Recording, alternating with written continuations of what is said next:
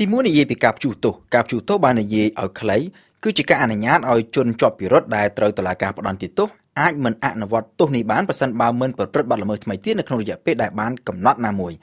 នៅក្នុងក្រមព្រំប្រទានខ្មែរទោសដែលអាចព្យួរបានគឺមានទាំងទោសពន្ធនាគារហើយនិងទោសពិន័យជាប្រាក់ហើយការព្យួរទោសត្រូវចែកជាពីរប្រភេទគឺការព្យួរទោសធម្មតានិងការព្យួរទោសសាកល្បង ការព្យួរទោសធម្មតាគឺប្រសិនបើជនល្មើសត្រូវតុលាការផ្តន្ទាទោសឲ្យជាប់ពន្ធនាគារដោយត្រូវព្យួរទោសជនល្មើសនេះមិនត្រូវជាប់នៅក្នុងពន្ធនាគារទេក៏ប៉ុន្តែប្រសិនបើក្នុងរយៈពេល5ឆ្នាំគិតពីថ្ងៃប្រកាសទោសជនល្មើសនេះបានប្រព្រឹត្តបទល្មើសណាមួយថ្មីទៀត ការព្យួរទោសនឹងត្រូវលើកចេញវិញហើយជនល្មើសនឹងត្រូវអនុវត្តទោសទាំងពីរគឺទាំងទោសទី1ដែលបានព្យួរនិងទោសទី2សម្រាប់បទល្មើសដែលប្រព្រឹត្តថ្មីខាងក្រោយដូចគ្នាចំពោះទោសពិន័យជាប្រាក់ប្រសិនបើតុលាការប្រកាសព្យួរទោសជនល្មើសមិនត្រូវបង់ប្រាក់ពិន័យនោះទេប្រសិនបើមិនបានប្រព្រឹត្តបទល្មើសថ្មីទៀតនៅក្នុងរយៈពេល5ឆ្នាំគួរបញ្ជាក់ថាការប្រកាសព្យួរទោសឬមិនព្យួរវាគឺជាសិទ្ធិអំណាចរបស់តុលាការក៏ប៉ុន្តែទោសពន្ធនាគារដែលតុលាការអាចប្រកាសព្យួរបានគឺទាល់តែទោសពន្ធនាគារនោះ មានរយៈពេលយ៉ាងច្រើនបំផុត5ឆ្នាំប្រសិនបើជនល្មើសត្រូវតុលាការផ្តន្ទាទោសឲ្យជាប់ពន្ធនាគារលើសពី5ឆ្នាំតុលាការមិនអាចប្រកាសព្យួរទោសនេះបានទេម្យ៉ាងទៀតបើទោះបីជាទោសពន្ធនាគារនេះមានរយៈពេលត្រឹម5ឆ្នាំឬក៏តិចជាង5ឆ្នាំក៏ដោយតុលាការអាចប្រកាសព្យួរទោសបានលុះត្រាតែជនល្មើសមិនធ្លាប់ត្រូវបានផ្តន្ទាទោសឲ្យជាប់ពន្ធនាគារម្ដងណាសោះនៅក្នុងរយៈពេល5ឆ្នាំមុនអំពើល្មើសឧទាហរណ៍ថានៅឆ្នាំ2008ជនល្មើសកធ្លាប់ត្រូវបានតុលាការផ្តន្ទាទោសឲ្យជាប់ពន្ធនាគារម្ដងរួមមកហើយ ស្រាប់តែ4ឆ្នាំក្រោយមកនៅឆ្នាំ2012ក៏បានប្រព្រឹត្តបទល្មើសថ្មីមួយទៀតហើយត្រូវតុលាការផ្តន្ទាទោសឲ្យជាប់ពន្ធនាគារ3ឆ្នាំ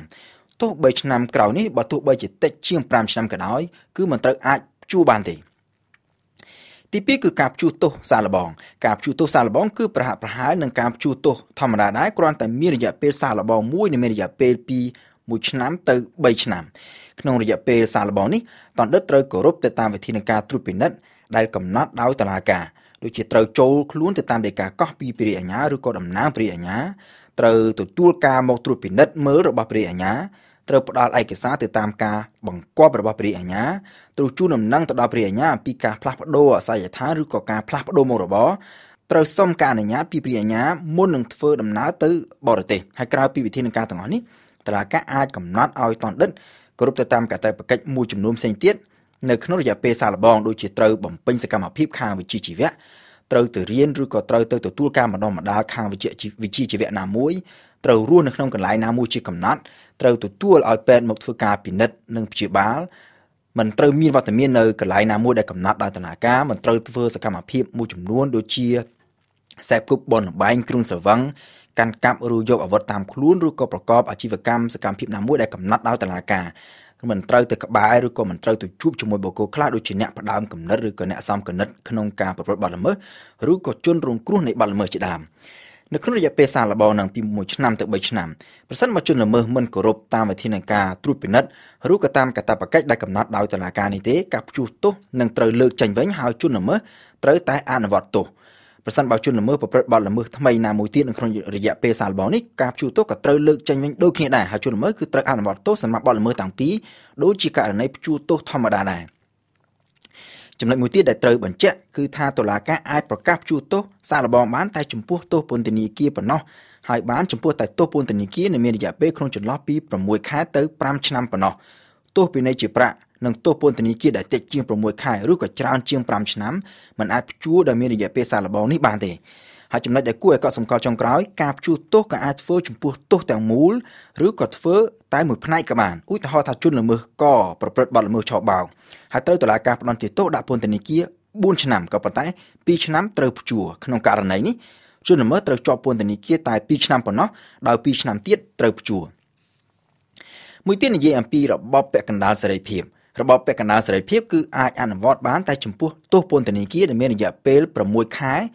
ឬក៏តិចជាង6ខែប៉ុណ្ណោះតឡាការអាចប្រកាសរបបពាក់កណ្ដាលសេរីភាពគឺដើម្បីឲ្យតណ្ឌិតអាចបំពេញសកម្មភាពខាងវិជ្ជាជីវៈឬក៏ទទួលការសិក្សាការបណ្ដុំបណ្ដាលឬក៏ការពិនិត្យព្យាបាលជំងឺឬក៏ដើម្បីធ្វើការអ្វីមួយដើម្បីជួយឧបត្ថម្ភទៅដល់សេចក្តីត្រូវការរបស់ក្រុមគ្រួសារ ហើយតណ្ឌិតដែលស្ថិតនៅក្នុងរបបពាក់កណ្ដាលសេរីភាពគឺត្រូវអនុញ្ញាតឲ្យចាក់ចេញពីពន្ធនាគារនៅក្នុងរយៈពេលជាកំណត់ណាមួយនៅពេលប្រកាសពីរបបពាក់កណ្ដាលសេរីភាពតឡាការគឺត្រូវកំណត់នៅក្នុងសេចក្តីសម្រេចខ្លួនឯងហ្នឹងថាអំពីថ្ងៃនិងអំពីម៉ោងដែលអនុញ្ញាតឲ្យតណ្ឌិតចេញពីពន្ធនាគារបានឧឧទាហរណ៍ថាឈ្មោះកជានិស្សិតហើយត្រូវតុលាការផ្តន្ទាទោសដាក់ពន្ធនាគារ6ខែពីបទលួចតុលាការពិនិត្យពិចារណាមើលទៅគឺមិនចង់ឲ្យតនដិតកហ្នឹងជាប់នៅក្នុងពន្ធនាគារហើយខាតការរៀនសូត្រ